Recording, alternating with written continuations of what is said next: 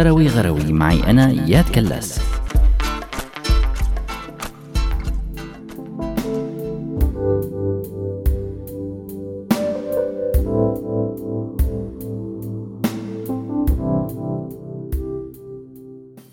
كتير من اللاجئين حملوا حرفهم وصناعاتهم معهم لبلاد اللجوء وهالصناعات والحرف وحتى المهارات انتشرت خلال وقت قصير بكل العالم بس كان التمويل واحد من العوائق عند أصحابها ليقدروا ينطلقوا بمشاريعهم المتنوعة والمختلفة ولهيك لقى البعض الحل بفكرة التسويق الإلكتروني كوسيلة قليلة التكاليف وسريعة بالإعلان والنشر للمنتج.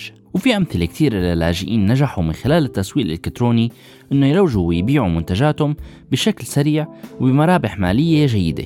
هناء أقصيباطي واحدة من اللاجئات اللي قدروا يخلقوا نجاح سريع بهذا المجال. هناء يلي بسوريا ما كانت موظفة وكانت عايشة مع زوجها وأولادها بدمشق وصلت مع عائلتها قبل ثلاث سنين على ألمانيا. ومثل ما بتقول هناء إنه مشوار اللجوء بألمانيا صعب جدا فما كان سهل الحصول على سكن مستقل أو إنه زوجها يلاقي عمل وولادها يلتحقوا بالمدارس. ومن هون بلشت هناء تفكر كيف ممكن تلاقي شغل أو على الأقل تعبي وقت فراغها الطويل. وبعد بحث قررت تشتغل بالتجارة الإلكترونية. وتحديدا بمجال بيع الشالات الشرقية والحجابات. عن هذا المشروع بتحكي هناء كيف إنه الأفكار بلشت تطلع بشكل سريع بهذا المجال وبلشت فعلا تجيب بضاعة. وجزء من البضاعة كان صناعة يدوية ببيتها ولما لاقت بعض الصعوبات بالترويج لقت الحل بالتسويق الإلكتروني. وهناء يلي ما كان عندها أي فكرة عن هذا المجال من قبل بلشت تسأل عن الطرق القانونية للبداية بهيك مشروع بألمانيا وكل شيء بيتعلق بالتسجيل الضريبي والمعاملات التجارية. ومن خلال صفحتها على فيسبوك قدرت هناء اليوم إنه تخلق كتير من الزباين وسوق لإلها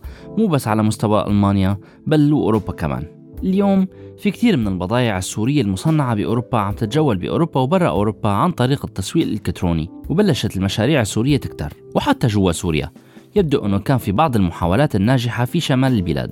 رغم أنه بالمقابل وحتى لحظة بث هي الحلقة ما زالت أفكار التسويق الإلكتروني أكثر من خجولة بمناطق سيطرة النظام السوري. لكن يبدو كمان أنه مصادر في وزارة الاقتصاد السورية قالت أنه قانون تنظيم التجارة الإلكترونية ممكن يصدر بهذا العام. وبمقال بجريدة الثورة وهي واحدة من الجرائد التابعة للنظام أكيد بتحكي عن التسويق الإلكتروني للقطاع العام الخدمي والإنتاجي وبتكتب الجريدة أنه في مشروع للتجارة الإلكترونية في سوريا بدأ عام 1998 بالتعاون بين البلدان المتوسطية والاتحاد الأوروبي بهدف تأمين البنية التحتية للتسويق الإلكتروني ودعم التجارة والسياحة والنقل الإلكتروني في حوض المتوسط. لدرجة أنه بعام 2001 تم إطلاق أول موقع تجاري سوري على الإنترنت متخصص في مجال التجارة الإلكترونية.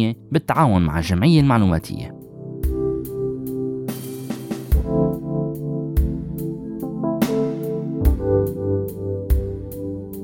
على كل إذا بدنا نحكي عن السوريين تحديدا فيبدو أنه بعض منا سواء في بلاد المحشر أو في داخل سوريا عم نقدر ننجح بخبراتنا الإلكترونية البسيطة وهذا الشيء حتى من منافينا وأماكن سكننا المتواضعة أحيانا. وعم نقدر نخلق أسواق إلكترونية لصناعات بسيطة ونحقق أرباح وشهرة. هالشيء اللي بيخلينا نتساءل عن السبب بتأخرنا بمراحل سابقة لما بنعمل مقارنة مع طريقة تطوير الحكومة السورية وقوانينها بالنسبة للتسويق الإلكتروني. كنت معكم أنا إياد بشروي غروي كونوا بخير.